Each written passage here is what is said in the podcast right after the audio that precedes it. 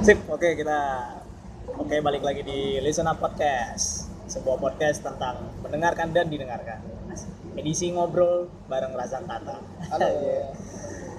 Jadi ini sebenarnya udah kali kedua ngobrol sama Kedua, Razak. ya? Karena karena kali kedua. Kedua. Ini lagu apa gimana? Jadi kemarin kita ngobrol di mana Zan? Di sini juga, di Aming juga. Cuman kemarin itu pakai aplikasi recordingnya Anchor. Ya. Nah, dan lucunya kejar-kejaran juga sama musik back uh, musik di belakangnya. Jadi kita kayaknya kemarin terburu-buru. Nah, sekarang kita santai ya, tempatnya ada di luar. Oke, sip. Nah, jadi mulai dari ya perkenalan dulu deh. Perkenalan. Siap. Oke, halo pendengar Listen Up. Eh, kenalkan saya Razan Tata. Jika ditanya selalu senang menjawab sebagai seorang pencerita. Pencerita di berbagai medium, apa pun mediumnya, selama saya bisa punya akses ke sana, saya akan memberikan apa ya? eh, memberikan konten-konten yang bentuknya cerita. Bisa itu cerpen, bisa itu novel. Kalau di media sosial tuh bisa main di captionnya Instagram ataupun statusnya Facebook kita uh, modelnya uh, story gitu storytelling Berarti si Razan ini gampangannya kita storyteller lah ya. storyteller Yup. Jadi hari ini kita asik nih ngobrolnya tentang storytelling dan storyteller, ya. Storyteller. Nah, eh, ide awal aja sih. Mungkin orang ada yang bingung ini storyteller ini kan istilah baru ya. Padahal sebenarnya istilah lamanya kan pencerita kan ya. pencerita Nah, definisi standar aja deh pencerita tuh kayak gimana? Ba- basicnya apa pun medianya gitu ya film Film, buku. Uh, seperti itu tuh kan uh, tempat bercerita gitu. Orang kita ngambil sesuatu di lingkungan kita kita ceritain kembali gitu. Misal kalau film misalnya ngambil potret uh, sosial potret politik. Diangkatnya ke jadi tema film itu diceritakannya kepada orang lain. Jadi orang lain bisa ngerti oh ini tentang politik oh ini tentang sosial ada tema yang diambil. Jadi basicnya memberikan informasi pada orang lain gitu ataupun memberikan sekadar hib- hiburan lewat novel romansa novel fantasi gitu. Jadi menyampaikan ke orang lain uh, sebuah konten yang dengan apa ya dengan berbagai macam tujuan sih ya basicnya gitu ya ada yang hiburan, ada yang informasi dan lain-lain gitu ya. benar tapi mediumnya bercerita. Maksudnya Bercerita. dia tekniknya dia cerita Ya, lah gitu ya. dan narasinya dari awal uh, apa yang di apa mulai dari mana ada development di sana kan ada ada perkembangan ada yang tumbuh gitu. Kan. kita kan sekarang kan uh, eh tar sebelum masuk ke sekarang. Tar jangan nyimpulin. Ah oke sip. Oke jadi tadi storytelling itu tadi seperti itu bercerita dan menceritakan gitu. Mediumnya bisa apa aja bisa di sosial media bisa benar-benar bentuknya dalam bentuk buku audio book juga sekarang Nah, nih ada kan audio. juga. Ah, terus kita ah sebelum masuk nih kita review berita dulu. Ngomong berita nih. Lesson berita. Kemarin kan kita juga review berita. Um, Manchester United berhasil masuk final. Setelah mengalahkan Spurs 2-1 dua satu apa deh komentar? Uh, walaupun possessionnya jauh kalah tapi efektif sekali. Saya senang nih yang ini saya senang. Daripada yang kemarin tuh lawan siapa kemarin tuh yang kalah tuh? Ah, lupa saya. Saking sedihnya lebih lupa saya. ah, ntar West Brom. West Brom. Nah ini baru bagus kayaknya nih. Efektif simple. Ntar lu yang golin yang kedua siapa sih? Herrera. Herrera. Herrera semenjak ditunjuk main terus dia nunjukin ke kapasitasnya lebih oke Enggak, dan si MU bakal ketemu ini kan ya? Chelsea. Chelsea ah tunggu dulu. Main ada tontonan. Berarti kan kemarin semifinal finalnya kapan? Ah belum tahu. Belum tahu ya belum ada ya? Belum tahu ah, yang yang jelas sebelum final Liga Champion berarti. Iya. Iya. Ya oh ya ini apa informasi. Ini Zalazan nih apa kalau fans MU nyebutnya apa sih? Uh, Mancunian. Mancunia jadi fans beratnya Manchester United jadi kawan-kawan yang mau bertanya seputar Manchester United bisa ditanya gitu dari kapan sih ngefans ngefans MU dari itu dari kapan Rooney dari Everton pindah ke MU tahun berapa itu? dari oleh Rooney yang dari Everton pindah ke MU Hmm, pokoknya zaman Tiga, zaman bro. zaman zaman Arsenal lagi unbeaten oh betul berarti Arsenal unbeaten tuh 2004 kan waktu itu Rooney cetak uh, gol lewat Everton itu kan yang mengalahkan Arsenal musim selanjutnya pindah ke MU. Oh, I see. Jadi berarti pas habis unbeaten tuh streaknya unbeaten Arsenal di 2000 2004 2005 Hmm. putus, Rooney cabut. cabut. Oh, Saya iya. suka Rooney dulu sih awalnya tuh. karakternya eh bukan karakter sih sosoknya menarik waktu itu saya baca majalah Bobo ST berarti ya? Serius majalah buku ada ada ada kalau profilnya tuh waktu itu ada misalnya pembalap Kimi Raikkonen. Langsung ngefans Kimi Raikkonen. Pas bolanya tuh ada Owen ada siapa bacanya waktu itu segmennya Rooney nih. Dia cerita tentang gol dia yang fantastik itu Rooney Rooney Rooney akhirnya waktu nonton bola ketemu MU tuh kan. Ini Rooney gitu jadi sejak itu saya langsung ngefans ya. Oh berarti termasuk fans lama nih. Ya, bukan Ronaldo tapi Rooney ya seorang Ronaldo unik nih. Karena kebanyakan pasti ya udah Ronaldo Messi lah sekarang Messi, kalau kita iya. Messi Ronaldo. Oke sih nah itu berita olahraga ya. Berarti MU ketemu Chelsea di final FA Yup. terus Liga Champion mulai lagi tanggal berapa ini ya? Minggu ini? Eh, Rabu. Rabu. Ya Rabu Kamis ya kan minggu ini mulai lagi. Terus Indonesia kena apa kemarin tuh? Gimana kan ulang tahun PSSI kemarin FIFA kayaknya kan ngecas kita deh. Oh iya kah Ah, oh belum baca ya? belum belum belum belum belum. Ada kalau ranah sepak bola kita entah kenapa, kenapa kita pas ulang tahun PSSI di apa ya dicas gitu loh di fine gitu di didenda didenda didenda kenapa gitu pokoknya. Kena Habis denda. itulah mencintai sepak bola Indonesia meski kusut. Pas di perliku gitu ya. Nah ini kan kebetulan memang kita suka ngobrol bola nih kalau ketemu ada selain ngobrol storyteller ya.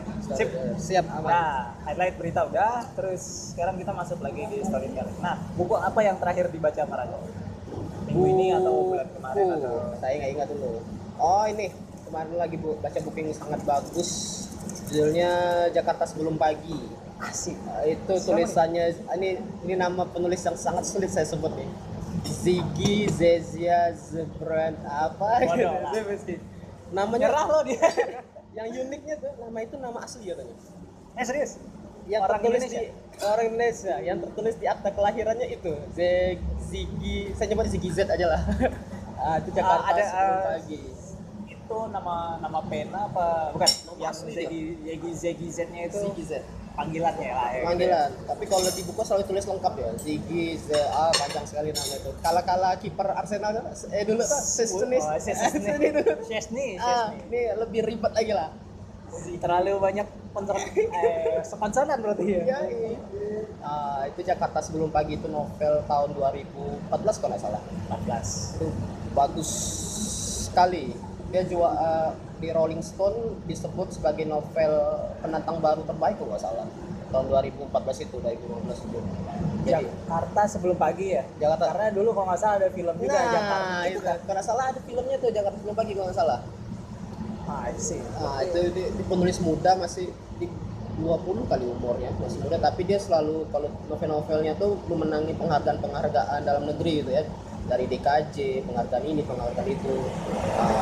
Se- tahun ini dia ngeluarin novel juga. Tahun lalu atau tahun kemarin apa? Judulnya eh, semua ikan di langit kalau nggak salah. Semua ikan di Semua langit. Ikan di langit. dia pemenang Dewan Kesenian Jakarta itu penghargaan bergengsi di apa ya, novel Indonesia gitu. Di juaranya nih nah saya baca novel dia sebelumnya yaitu Jakarta sebelum pagi. Dan Itu pun juga dapat penghargaan di Rolling Stone. nah sangat bagus. Simple bahasanya lugas enak dan punya ciri khas sih gaya dia tuh uh, komedi-komedinya tuh enak. Eh, kalau nggak salah patternnya Jakarta ini kalau Iya. eh, sorry ini kalau movie ya. Kemarin tuh ada namanya juga kayak gitu. Mirip kan? Ah, saya pun lupa dan sih. dia dan dia di filmnya itu kayak eh, dari dari kayak apa kayak ngambil distrik-distrik yang berbeda gitu. Misalnya ada yang pekerja apa namanya dulu tuh bintangnya nggak usah Doni Alamsyah siapa lagi yang main di situ. Ah. jadi kayak somehow ketemu di satu titik gitu. Jadi yang point of view-nya dirubah dulu karakter ini karakter ini karakter ini. Kayak di bukunya gitu juga nggak sih? Memang ba- banyak karakter sih. Nah banyak karakter banyak kan? karakter dengan Kemudian ada ngambil setting-setting Jakarta keluh-keluh bener. Betul. kayaknya adaptasi sih mungkin ya. Sip mungkin adaptasi bisa ntar kawan-kawan cek lah namanya Jakarta, Jakarta sebelum lah. Sebelum. pokoknya clue-nya Jakarta sebelum deh. Jangan cari yang lain Jakarta sebelum aja Jakarta sebelum. Nah ini soalnya berhubungan dengan ini sih. Kenapa? Wah, biasanya kan ada alasan gini ada alasan khusus kenapa bisa eh, kenapa Razan mau apa namanya mencemplungkan diri menjadi seorang storyteller gitu. Biasanya kan berangkat dari buku kan ya biasanya. Iya, iya, iya. nah kalau dari ya, dulu pengalaman ketika kecil apa sih yang akhirnya membuat suka gitu mau cerita Eh, lah. cerita. basicnya awalnya emang pembaca buku pembaca penggila buku luar biasa gitu dari TK gitu ya Pak nyebut lagi nih majalah Bobo tuh majalah sejuta umat anak Iya. sejuta anak Kalau teman-teman yang belum lahir di zaman itu majalah Bobo itu terbaik Aduh. banget itu. TK saya kenal Bobo cuman belum pandai baca waktu itu kan Tapi udah udah udah, udah, tahu kan, ah, udah megang gitu. udah dikenalkan sama guru-guru gitu jadi suka gambarnya doang Cirinya gampang, ketemu kelinci biru, baju merah, nah itu. Bobo itu itu bobo dah. Pasti tuh. Kalau ada kelinci merah, kemudian eh kelinci biru, Bajunya bajunya merah, merah, dah selesai. Bobo. bobo. Mau siapa pun bobo dah itu. jadi selama enam tahun sampai kelas 6 SD terngiang-ngiang tuh karakter itu Iya kan ya? Ikonik banget gitu. ikonik sekali. Ini ada kelinci, warnanya biru, bajunya merah. bajunya merah. Punya adik juga gitu. Ada ada keluarganya gitu. Keluarganya ya, keluarga. Sama ini apa yang gajah pink itu tuh. Bona Rongrong. Ah, Bonar Roro tuh pasti tuh halaman belakang tuh. Atau paman Kikuk. Sama Hussein apa gila Asta lu. Hasta ya Gila lo zaman dulu kita Aduh. child, childhood hero tuh asik banget itu menyelamatkan masa kecil. dan bisa berlangganan majalah pas kecil tuh menarik iya berlangganan saya setiap Kamis saya ingat Kamis setiap minggu beli terus beli terus sampai sekarang ada di gudang itu entah mantul tinggi bro. luar biasa gitu belum nggak dibuang kan maksudnya masih ada masih kan? ada selalu disimpan itu lah sampai kelas 6 SD baca majalah Bobo habis itu eh, perjalanan membaca tuh menarik sih bagi saya. Awalnya suka majalah yang bergambar gitu kan Ah, pengetahuan umum sesuai dengan lingkungan yang kita alamin gitu. Sekali masa SMP eh, udah mulai berkenalan nih dengan romansa-romansa ya cita-cita monyet gitu. Bacaannya berubah. Iya. bacaannya berubah sih. Jadi novel-novel teen Asik. lit kan? Ya, iya. Novel. Iya iya Lova Yoi. apalagi sih Evil I'm in Love. Wah, itu itu tuh. Kurang tahu itu adaptasi film dulu atau, Ah, atau iya. novelnya dulu tapi yang jelas zaman itu digandrungin banget ya Yoi, zaman-zaman orang masih baca lupus gitu kan. Nah, nah selesai ya anak-anak nah SMA, selesai lupus loh lupus anak-anak udah tergantung apa yang dialami bacaannya itu. Jadi selama tiga tahun kalau salah. Novel teen lit tuh bagi saya sama kayak nemuin majalah Bobo pertama kali. Sesuatu yang baru gitu. Ini apa sih gitu kan? Buku apa sih? Nggak kenal penulisnya, nggak peduli apa gitu. Cuman baca doang. Eh asik ternyata gitu. Sampai habis. Itu kelas SMP tuh, SMP. Wah, SMA SMA ganti lagi sesuai perjalanan hidup cuy. apa nih SMA ini apa Kalau SMA nah menarik nih selama saya baca buku tuh naik turun dia ada masanya suka baca ada Iya. masanya nggak baca gitu oh iya SMA kelas 1 2 tuh hampir kosong kalau salah saya baca oh kayaknya habis di yang lain ya. Kayaknya habis di lain kelas 3 itu mulai baca yang ringan yaitu eh, buku-bukunya Radit Raditya Dika. Oh siap. Nah, kambing jantan. iya eh, kami eh, saya bacanya yang ketiga langsung Radikus makan kaktus kan? Oh iya jadi sepakat terus itu yang ketiga. Nyep, yang ketiga. Habis itu satu lagi genrenya waktu itu kan masuk rohis nih cuy. rohis nih cuy. Romansa-romansa masih ada. Ya udah romansa religi dihantam.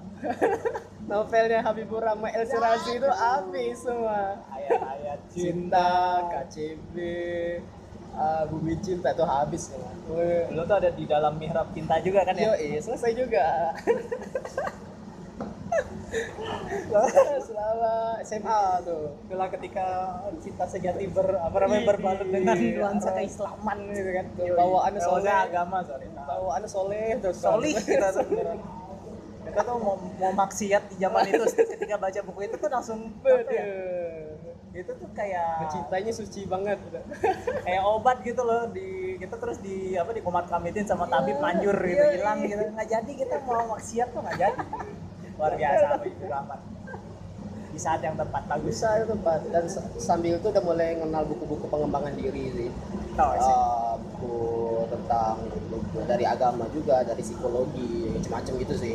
Oh, oke berarti karakter development gitu lah ya Iya, Bener-bener. Itu SMA. Nah pas SMA ini kenal, mulai kenal dengan namanya menulis. Waktu itu ada materi gitu sih, materi seminar gitu dari dari luar datang ke, ke sekolah kami ngajarin tentang menulis. Nah, itu sesuatu yang baru bagi saya tuh. Menulis apa gitu. Nulis apa gitu masih masih mikir gitu ngapain gitu kan, ngapain nulis. Nah, di situ mulai terbuka pikiran nulis ini uh, bagus untuk melatih apalah pengembangan diri, public speaking atau gimana mana. Mulai kenal, Nah, belum belum tertarik sekali, mulai kenal.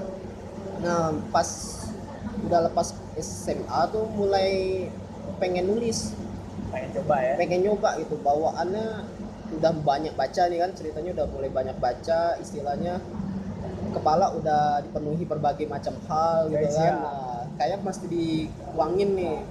Da- dan salah satunya lewat menulis itu bingung nih nulisnya apa kan Ah. pertama kali kan bingung nih. Akhirnya kira saya suka film tuh. Ah, saya oke. suka film bikin blog film nulis ulasan film yang saya tonton gitu. Mungkin tak lama sih cuma setengah tahun kali ya setengah tahun doang cuman ngisi-ngisi blog ya blog mem- memperkaya isi blog pak. Nah, biar benar. kelihatannya penuh ke bawah gitu. Ya tuh, kalau karena kan dulu interface-nya tulisannya ke bawah terus arsipnya ada nih. Nah bener ya tuh kalau zamannya zamannya pas blogger gila-gilanya tuh kalau ngeliat arsip dibuka banyak tuh Yoi. itu udah ini banget loh udah kayak sepuh. Ke kegaulan apa ya ketika kegaulannya keren gitu loh. kayak eh apa namanya blok ente gimana? Wah Iya, langsung lihat tuh. Wah dilihat nih arsipnya nih Juni Juli ya sih wah rajin cuy. Padahal mah nggak tahu isinya apa gitu. Jadi eh, ya itulah zamannya blogger. Blogger. Blogger kan ya sempat blogger. Ah blogspot men saya. Blogspot blogspot. Ulasan film pertama saya masih ingat film Birdman baik tahun 2014 ya. Birdman oh sorry ya Ah, kayaknya 2014 tuh pertama kali saya nulis Birdman sama Whiplash. Uh, Whiplash ah, Whiplash Whiplash. Whiplash. Berapa- tahun berapa? 2000 Whiplash itu 2015 ah, sekitaran gitu ya. Itu. Whiplash. mulai nulis di sekitaran tahun itu. Whiplash ya di mana si siapa? Yang bapak yang dari Daily Mailnya Spider-Man oh itu? iya iya J.K. Simmons. Ya J.K. Simmons. Dapat penghargaan ya? Dapat ya. Dapat. Udah layak sekali lah. Saya sampai takut tuh. Nonton dan kalau oh iya buat itu juga sebenarnya ketika ada di Cinemax kan Cine- Cinemax Iya. kan majalah yang membahas oh iya iya film-film. benar benar di pembuatan itu si sutradaranya bilang memang mereka kurang uang. Hmm. nggak ada budget katanya.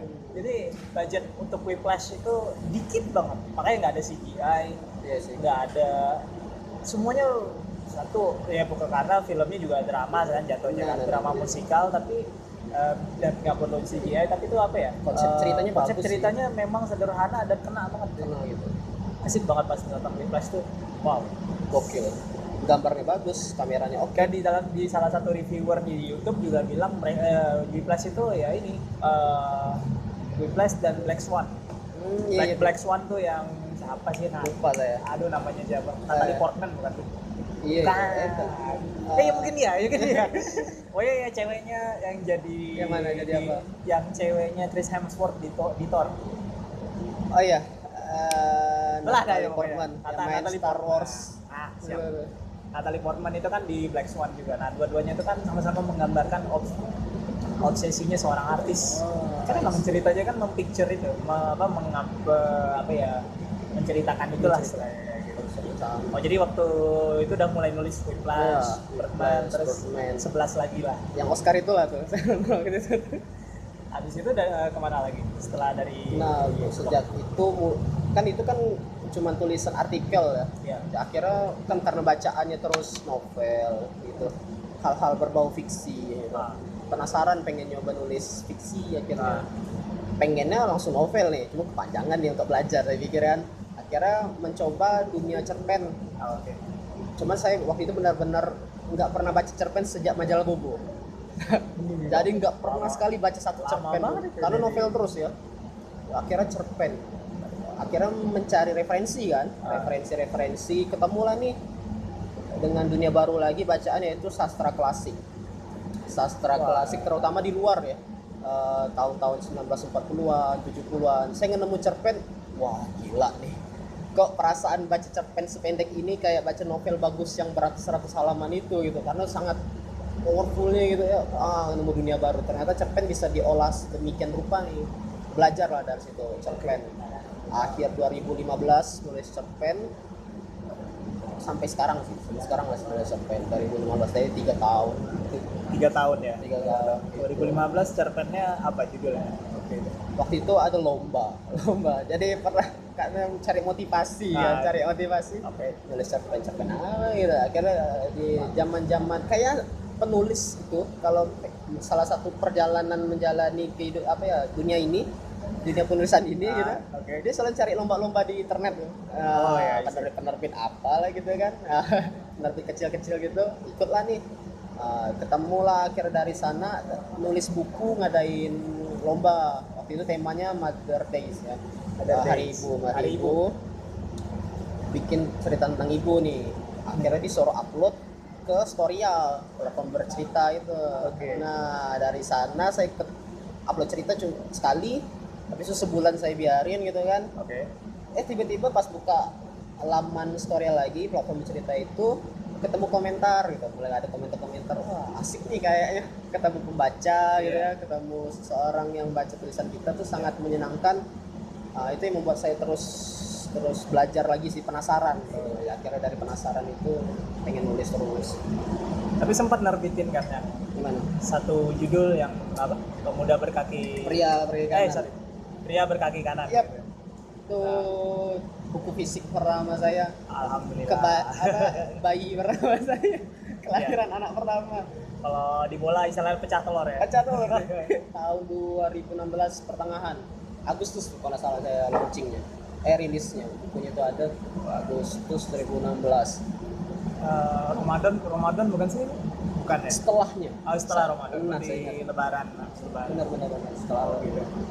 Rilis buku cerpen Cerpen. kumpulan uh, kumpulan cerpen judulnya pria berkaki kanan. Itu gak karena masuk sebuah komunitas di Pontianak kan komunitas menulis forum Indonesia menulis.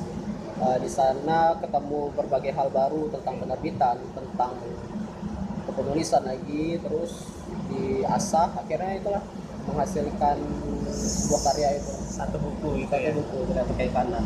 Keren tuh keren wah habis itu setelah itu sudah nggak berhenti lagi ya Sudah. terus sudah udah tenggelam sudah udah nyemplung udah, sudah udah menyelam lebih dalam lah istilahnya setelah udah basah semua baju nih ya, itu menarik sih jadi sekarang kan eh, banyak inside story yang orang tuh kurang eh, yang belum tahu ya sebenarnya iya. kan dan rata-rata layar. memang ya kalau untuk orang yang berkarir terutama di bidang sastra kemudian seni itu Iya. selalu mulai dari alasan yang unik gitu alasannya nggak pernah yang sekeren yang kayak di Enggak ya kayak megah. enggak kan enggak enggak. megah. personal. Iya selalu personal gitu. Karena suka karena penasaran. Cuman gitu doang terkadang gitu. Memang memang dan kan banyak kan kayak gini eh, kelemahan. Sekarang itu kita nggak bisa membaca orang memulai berkarya itu dari apa gitu. Nah. Terlalu terlalu berisik sih sebenarnya kan di sosial media kemudian di apa. Kita nggak bisa lagi nih ngelihat yang orang yang benar-benar berangkat dari alasan yang sederhana. Ya kemudian cara dia menceritakan polos gitu. Karena sekarang bingung.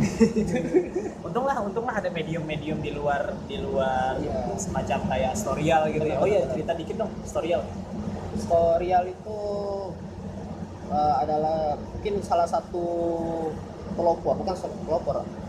Salah satu yang sedikit uh, platform bercerita yang ada di Indonesia. Awalnya dulu di samping Wattpad uh, Wattpad kan Nah, jadi kalau Wattpad itu punya luar dari Kanada, Storyal milik Indonesia. Jadi di situ platform bercerita sih kita ngupload cerita, ketemu pembaca, ketemu orang-orang yang suka nulis secara digital, secara online gitu. Jadi novel-novel eh cerita-cerita yang kita upload bisa dibaca secara streaming, secara online gitu. Jadi ya simpelnya seperti itu. Yang sekarang akhirnya mulai banyak nih platform bercerita yang muncul di permukaan. Sekarang kemarin keluar dari Denmark ada yang baru nama Swig.com. Sekarang naik terus namanya karena bagus, lamannya bagus, eh, Interface-nya oke. interface-nya oke dari Denmark itu Swig.com. Kalau dalam negeri ada lupa ada Kabaka gak? Cabaca itu cabaca.co.id. Makin banyak sekarang. Kayak kayaknya Ah, ya? medium ya? medium Ah, medium.com itu kayak microblog. oh microblog gitu Ah, kayak Tumblr. I see ya Ah. Tumblr medium.com waktu itu emang pernah coba Tumblr sih ya Uh, cuma bagi saya agak terlalu ramai sih bagi waktu itu nulisnya. Banyak distraksi gitu kan. Coba ke medium. Oh ternyata medium lebih clean lebih simple sekali dia. Kan beneran? Lebih uh, enak ya? lebih enak. Karena emang konsep yang dibikin sama foundernya itu yang juga founder Twitter itu membuat medium. Oh iya. juga foundernya Blogspot katanya. Uh, bikin medium itu katanya emang tujuannya biar lebih clean minimalis. Orang sana cuman untuk baca gitu lebih simple akhirnya mencoba ke medium kali kalau saya ke medium sih paling cuman untuk nulis nulis artikel Oh. pemikiran pemikiran gitu sih. boleh karena memang apa aku dulu juga di situ di maksudnya di Tumblr, Tumblr, gitu. ya. saya juga main di Tumblr jadi karena sekarang juga di di ban- blokir juga blokir medium lu bisa tuh nggak tahu nih alasannya kenapa terus akhirnya beberapa draft tulisan itu ya nggak sempat diselamatkan Oh. sayangnya gitu oh iya uh, ini. Per, uh, waktu selama nulis nih pernah bikin ini nggak sih? Kayak briefcase-nya atau yang tepat untuk mengamankan. Seakan-akan uh, sekali waktu misalnya pas upload nggak ke upload gitu terus Ah. tulisannya masih disimpan gitu. Pernah bikin save case-nya nggak ya? Eh, paling cuma di Dropbox gitu sih. Oh, Dropbox. Nah, gunain eh, cloud cloud storage gitu sih. Nah, di Dropbox sih kemarin. Cuman jarang-jarang akhirnya cuma nyimpan di laptop cuma nyimpan di laman storyal itu cuma saya banyak nyimpannya jadi di storyal juga di webpad juga di ini Oh. juga. jadi secara online kan bisa diedit lagi kan bisa masuk lagi ya bisa diedit lagi Jadi, ya uh, karena uh, apa namanya ya kadang gini sih uh, oh iya kadang kayak gini di katakanlah misalnya Facebook gitu kan ada Iya. kolom catatan gitu kan nah Iya. kadang kita udah bikin banyak terus Nah.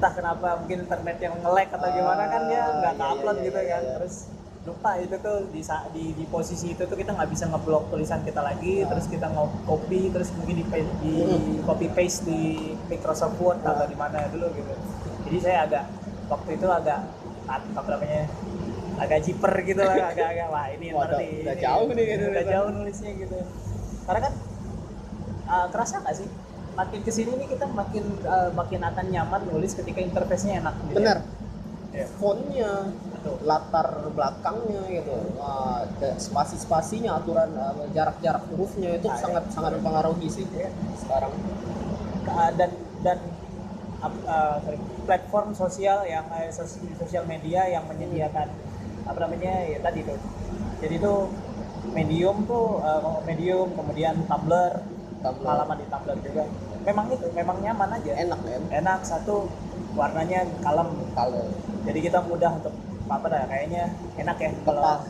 gitu ya karena dengan kayak nggak nggak ini lagi nggak monoton kan dulu kan kalau semuanya kan mulai mulainya kan macam-macam kan ada yang di Microsoft Word Nah, dulu gitu iya, ya, iya. tulis panjang habis itu baru di upload nah sekarang kan ada yang langsung aja di Hmm. Platformnya medium lah atau storyal. Storyal Iya. langsung bisa nulis bisa kan? Bisa. Ada ininya. Ada apa kayak konsep apa draft draftingnya tuh? Ada draftingnya. Ada ada. Gitu. Jadi buat kawan-kawan yang mau nulis jadi jangan takut aja eh, jangan takut lagi buat nulis gitu karena sekarang banyak mudah sih kalau mau ketemu pembaca tuh. Mudah sekali gitu. Baca mudah. Oh iya ya. Hmm. baca mudah nulis juga mudah gitu ya mudah nulis juga mudah. Ibarat kalau platform ini kayak pasar sih. Kalau pasar tuh ada orang pembeli ada orang penjual gitu kan. Kumpul Iya. semua di sana. Nah ibarat juga storyal webpad gitu tuh kayak pasar bagi penulis eh bagi tulisan gitu. Ada yang pengen baca Oh, ada iya. yang pengen nulis ketemu mereka. Gitu akhirnya. Dia pengen nulis. Dan pasarnya bersih lah ya istilahnya. Bersih nggak banyak kotorannya nggak gitu. banyak kotorannya. Kan ya logikanya kan kayak gitu, Benar, gitu ya. jadi kita enak belanja juga di sana gitu. Bisa pilih-pilih enak. Enak lah banyak terus juga terpilih Razan terpilih salah satu penulis yang buat apa gimana yang di storyal itu Oh kemarin. iya, Eh, di dipilih sama Storyal buat eh, nulis di sana, bikin novel di sana, dan juga sekalian memperkenalkan fitur terbaru dari Storyal yaitu kita bisa mendapatkan royalti langsung dari dari tulisan yang kita buat gitu. Jadi kita bisa menjual chapter kita secara langsung per chapter. Nah, itu kalau ada yang beli itu bisa masuk ke kantong royalti kita gitu. Jadi ini salah satu yang sangat memanjakan juga sih bagi penulis gitu kan bagi bagi pembaca. Jadi apresiasinya jadi bisa lebih tinggi jadi.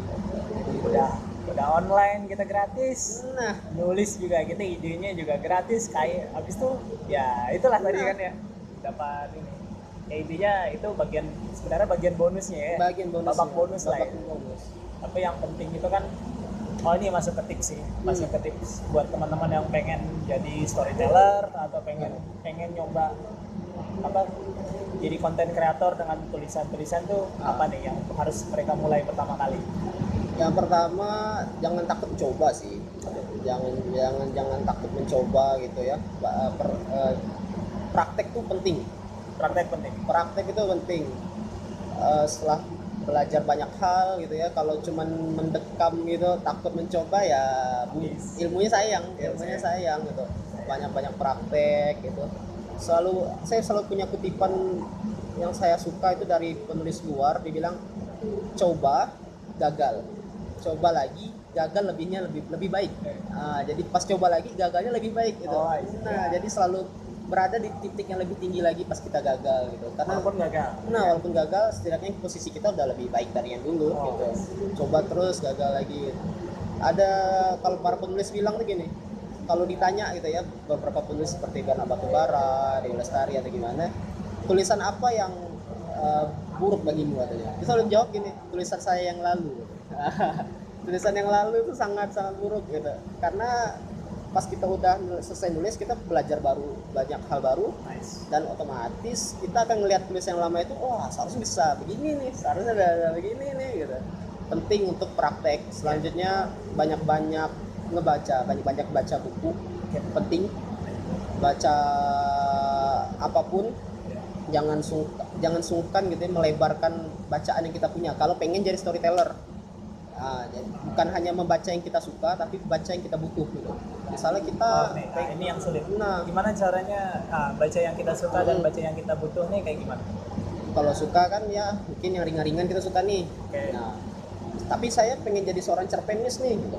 Otomatis kamu harus banyak-banyak baca cerpen-cerpen yang luar biasa bagus gitu. Mungkin dari sastra klasik mungkin dari sastra lama yang yang mungkin belum pernah kita sentuh Oh, Nah, yang intinya adalah sentuh dulu cerpen ini. Jangan jangan sensi dulu. Aduh berat nih kayaknya nih. Hmm. Oh. jangan coba aja dulu. Baca aja dulu gitu. Oh, oke, Ah, oke, biasa orang kan kalau udah nyaman dengan bacaannya dia malas untuk nyentuh bacaan lain nih. Nah, betul. jadi ya, jadi harus ngelebarin bacaan. Sentuh aja dulu cerpen-cerpen yang sangat bagus. Cerpen-cerpen klasik tuh biasa saya suka tuh karena bahasanya enak gitu kan.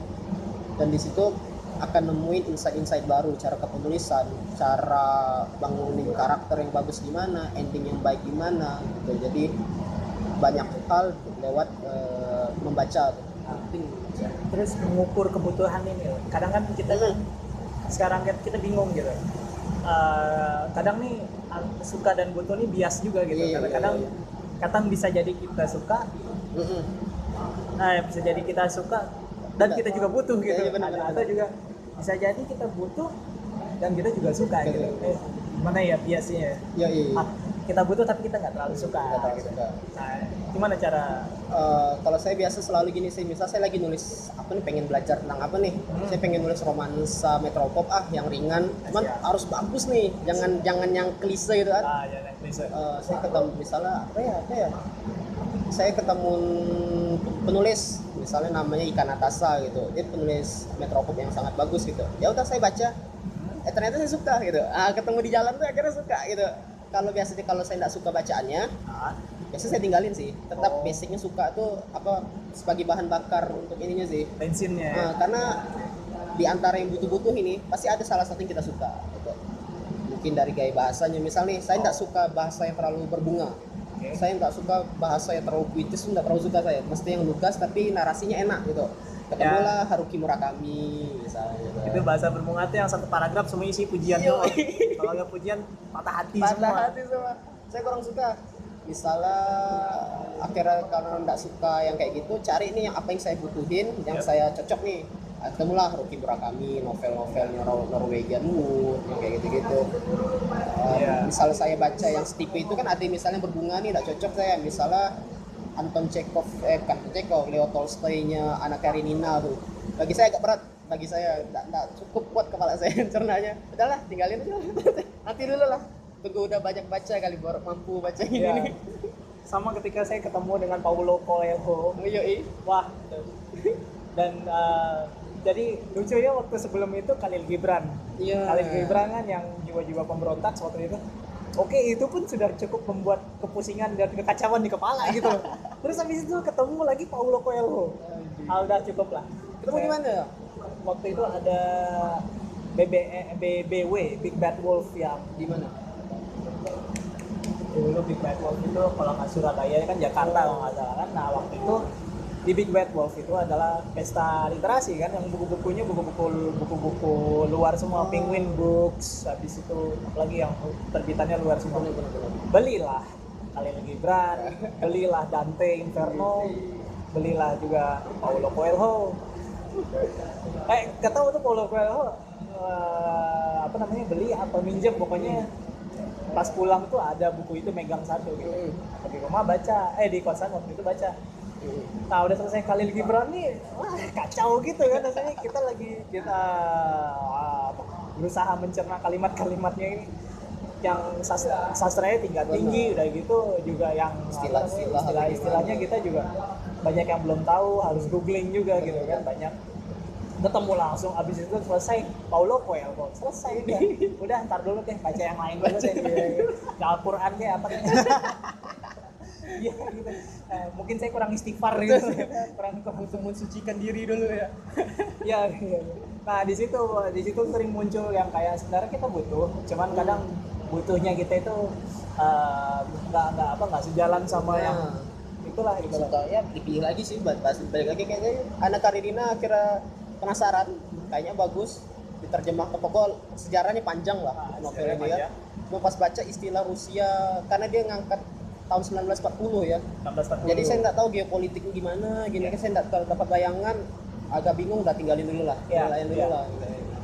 jadi cari yang butuh lagi itu kan di mana Haruki Murakami paling cocok tuh dan saya suka tulisan dia dan contoh juga kayak Ziki tadi tuh Zezia Oh iya. itu kan tulisannya cukup sastra Ziggy. tapi Lupa. masih bisa saya cerna masih enak sekali untuk saya cerna Nah, ya pilih-pilih lah antara Oh. buku suka buku suka Ah, jadi dan dan itu kan gak ini kan dasar kamerta kan. hmm bener Nah, jadi menemukan kebutuhan dan kesukaan itu kan nggak ah, pasti ada waktunya gitu ada kan. perjalanan sih perjalanan membaca tuh Nah, nah, dan itu yang penting sebenarnya karena semakin kita sering baca dan kita kita semakin tahu pola kita itu sukanya kita di mana, butuhnya kita di mana. benar benar benar. Jadi bisa menilai diri gitu menilai diri. Menilai diri dan dan itu tuh harus uh, untuk storyteller wajib ya kali ya. wajib sekali. Itu referensi sekolah dia gitu. Iya dan dan ini kan uh, pengem- pengembangan nanti pasti itu kekuatan dia bercerita makin makin bagus banget itu. Kalau semakin dia banyak baca, baca buku tuh makin gitu, makin keren gitu. Makin kaya gitu isi kepalanya referensinya banyak. Ya, jadi bisa dibilang punya library sendiri di kepala gitu kan. Jadi mau nyari diksi ini oh ya tinggal buka ini. Pernah dipakai ini nih rasanya ya ambil oh ini kosakata ini asik nih gitu Asik, kan gitu. Benar. ya udah. baca buku. Dan oh iya itu juga sih yang terjadi di anak-anak sejarah itu kan biasanya kan Hmm. eh, keengganan kita baca buku sejarah itu juga jadi oh jadi masalah tersendiri sih sebenarnya karena padahal kalau mau baca memang sih kalau terlihat besar kemudian terlihat membosankan kalau dilihat dari Hmm. buku-buku sejarah kan gede-gede gitu kan Hmm. tapi kan sebenarnya kalau mau eh, istilahnya kalau mau time travel pakai itu gitu benar kalau kita nih kita mau tahu apa yang terjadi di, masa lalu gitu ya. di Indonesia di, katakanlah di tahun 1980 gitu benar-benar atau di 1920-an sebelum Sumpah Pemuda. Nah, kita bisa baca buku gitu, baca buku sejarah lah itu kan. Karena non fiksi atau yang non fiksi kan ya istilahnya Non-fiksi. kalau yang itu. Eh, bahasa bahasanya lugas, Lugas. kemudian fakta juga, benar fakta argumentasi, oke itu habis itu eh, ini cara pandang sejarah di Yep. situ semua gitu. Iya benar. Makanya kadang memang eh, kadang memang dibutuhkan dibutuhkan dimensi buku yang besar agar enak baca agar tergambar jelas gitu loh. Oh, ini kayak gini sebenarnya kayak gitu. Karena kan baca sejarahnya itu ya. Ya baca sejarah dan memang medium seperti storyteller tuh sangat dibutuhkan ketika bertemu dengan hal-hal yang kayak iya gini sih benar misalnya dulu ada novel siapa sih namanya Prap kan Ram ya bumi Oke. manusia apa gitu. Bumi Manusia Tetralogi Bumi Tetralogi. Manusia. Ada Rumah Kaca, ada Bumi Manusia, ada Mariana Tatur ya Pramudia. Itu sebenarnya kan secara eh, gampangnya kan itu kan sebenarnya sejarah tapi penceritaannya Iya, novel ya. latarnya ya sejarah itu Karena sejarah banget gitu. Sejarah. Kalau kawan-kawan baca buku Rumah Kaca atau Bumi Manusia itu sejarah banget gitu. banyak belajar nih ini Jawa di, di tahun itu emang kayak gitu gitu. Niatnya Real, gitu ada gitu kan. eh, kasta-kasta eh, sorry bukan kasta eh, kelompok kelas pekerja kelas dan kelompok priai gitu Oh, iya. ada gitu kan kemudian bangsawan yang dikatakan bangsa biru itu juga Benar, ada benar. gitu ada di sana gitu. Itu jelas banget kita kayak kayak kita kayak time travel Time- jadi baru baru jalan. Indonesia pernah ini loh ya kan Ya. Bu- buku apa yang pernah dibaca Razak kalau yang bertemakan ya bertemakan ya nuansa sejarah atau Hmm, saya waktu itu baca ini sih, itulah Haruki Murakami, Norwegian Wood. Itu Jepang tahun 1960 kalau nggak salah.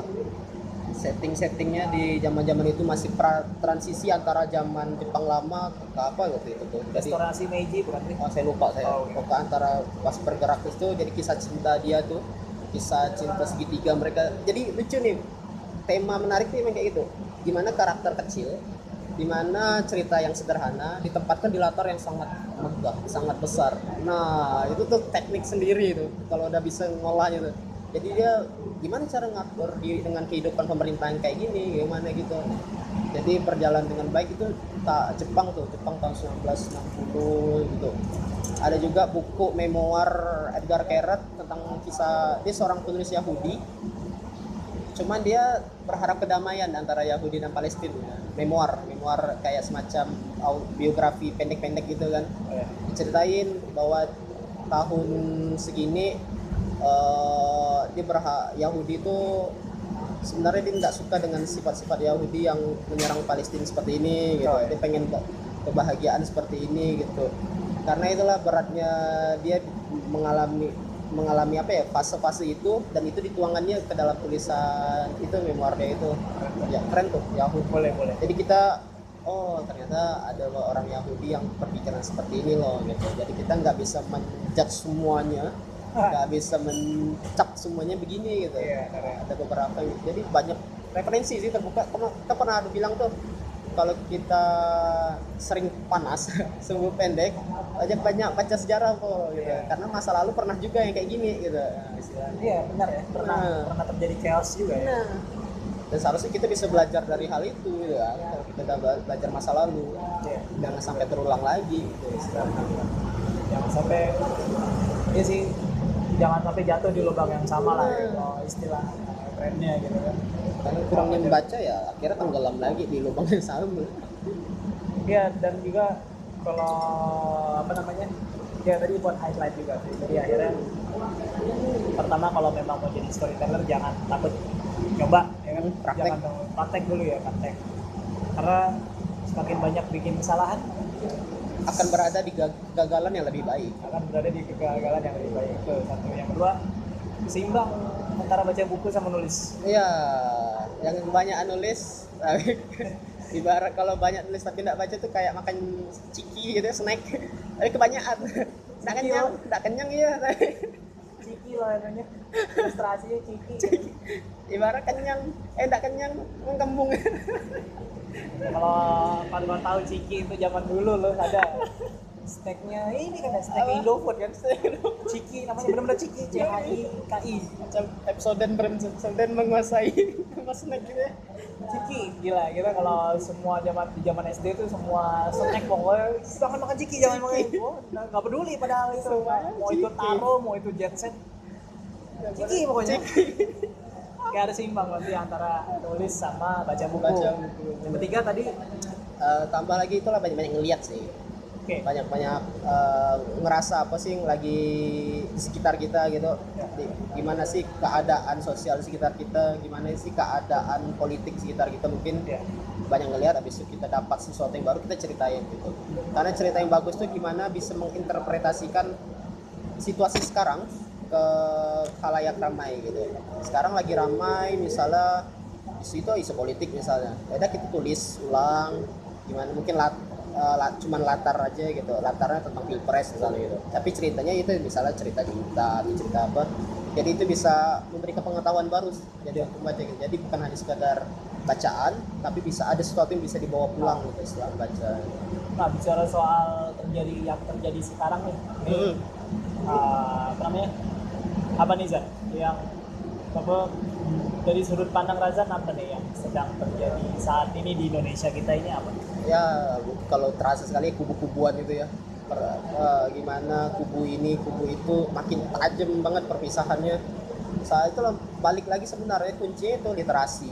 Banyak-banyak baca sehingga kita bisa ngolah-ngolah informasi di sekitar kita gitu. Kita kan kadang kalau udah panas udah terlalu banyak kubu aku kubu ini nih. Jadi kalau ada informasi bertolak belakang nah, nah, ini pasti salah gitu. Dia maunya informasi sesuai dengan kubu dia gitu. Seandainya udah terbiasa dengan literasi setiap informasi yang masuk dia pasti akan menelaah gitu. Oh informasi ini ya sih benar juga sih ya istilahnya. Cross check cross check jangan sampai terlalu ini ini kubunya untuk salah nih. Oh langsung akhirnya tak mau cross check tak mau apa yang penting tidak mau baca ya ini salahnya. Ya yang terjadi dan dan yang kasihan ini sebenarnya rakyat ya. Bener. orang-orang yang biasa seperti kita ini yang akhirnya ini ya bingung untuk bersikap dan takut untuk ini bersosial ini jadi takut di Bener, sebenarnya. bener. jadi kayaknya ada semacam ketakutan yang yang terjadi apa sih yang hidup di, di lingkungan apa ya di lingkungan kita sekarang nih kayak orang tuh Sensitif lebih ya? ah, sensitif Sensitif satu ya? udah terpancing juga kali ya nah panas tak cepat panas deh gitu Iya, padahal untuk ini kan masih April nih. Iya, Tapi iya. kan pilkada serentak tuh kan masih Juni, kan Juni, ya. ya, Juni. Juni atau nggak Juli lah kayak. Dan mungkin pilpres nanti ada di 2019. Terus, Tapi apa ya? Eh, kok suasana tuh suasananya kok jadi mencekam gitu dan lebih awal sih kayak mulainya tuh masih jauh itu awal banget mulainya Ya, iya, iya. Dan, dan itulah jadi akhirnya kayak aku sempat mikir jadi kayak ada semacam apa sih ini, republik ini menyimpan ketakutan dan itu tuh akhirnya nyebar nyebar semua gitu loh jadi semuanya berlindung pada sosial media gitu yang akhirnya jadi semacam benteng pertahanan mereka gitu yuk kita bertahan di sini aja nih ya, kan di Facebook ya di Facebook udah menyebar kebencian Iya. Dan banyak yang termakan. Itu sedihnya tuh itu, banyak kemakan. Emang penting budaya membaca itu ya, budaya literasi itu.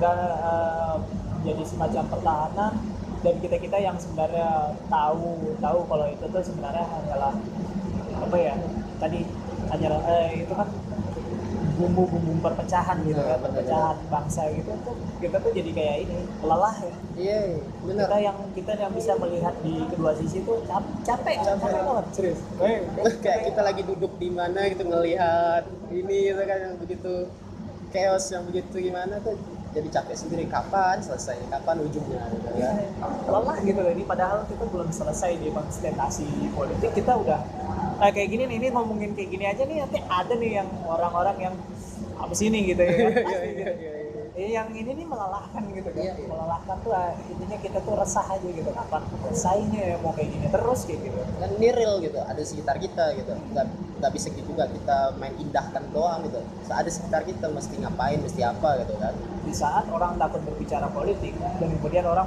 terus ditakut-takutin sama Iya. propaganda eh, orang-orang menjadi bingung mau bersikap iya betul.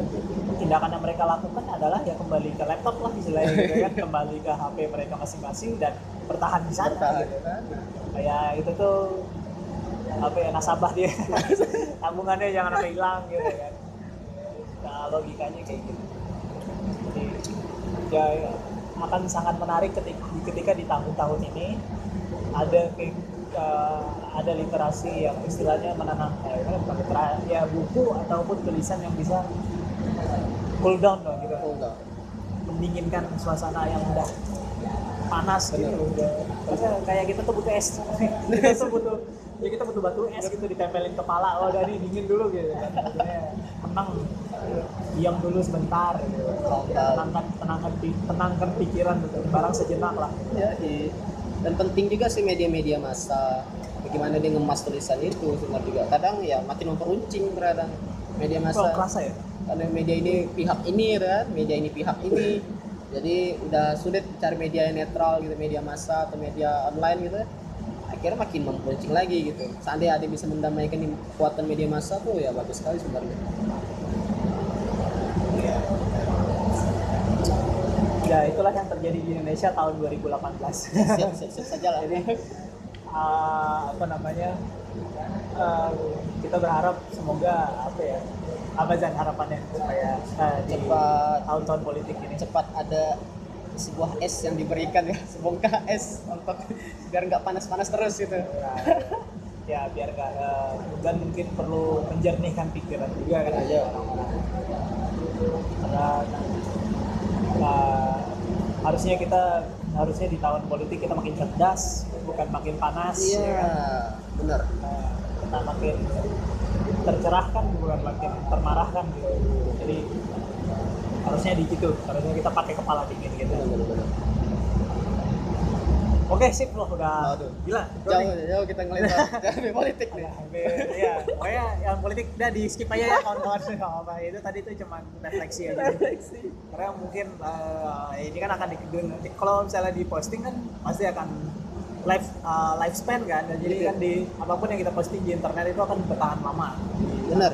Selama selama websitenya nggak tutup ya kan? benar, nah jadi kalau kawan-kawan yang dengar ini inilah yang terjadi di 2018 ya kan? Dan semoga bisa jadi ibroh atau jadi hikmah buat kawan-kawan yang mungkin akan apa berjuang di setelah kita gitu kan generasi yang akan datang bisa bisa ngambil bisa apa namanya menggam, bisa mendapat gambaran yang jelas soal yang terjadi saat ini itu seperti ini. seperti ini gitu.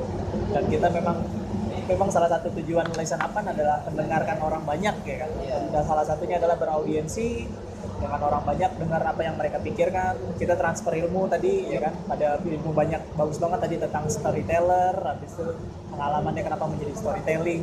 Eh kenapa jadi storytelling? Kemarin kenapa menjadi storyteller. Dan suka menceritakan suka menceritakan cerita. Kemudian ya tadi eh, apa namanya bisa menarik wisdom atau ada hal-hal yang bisa eh, hal-hal bijak yang bisa kita ambil. Sip, Razan, thank you udah Ya, bergabung di Listen Up Podcast. Mari mendengarkan untuk didengarkan. Sampai jumpa di episode ngobrol berikutnya.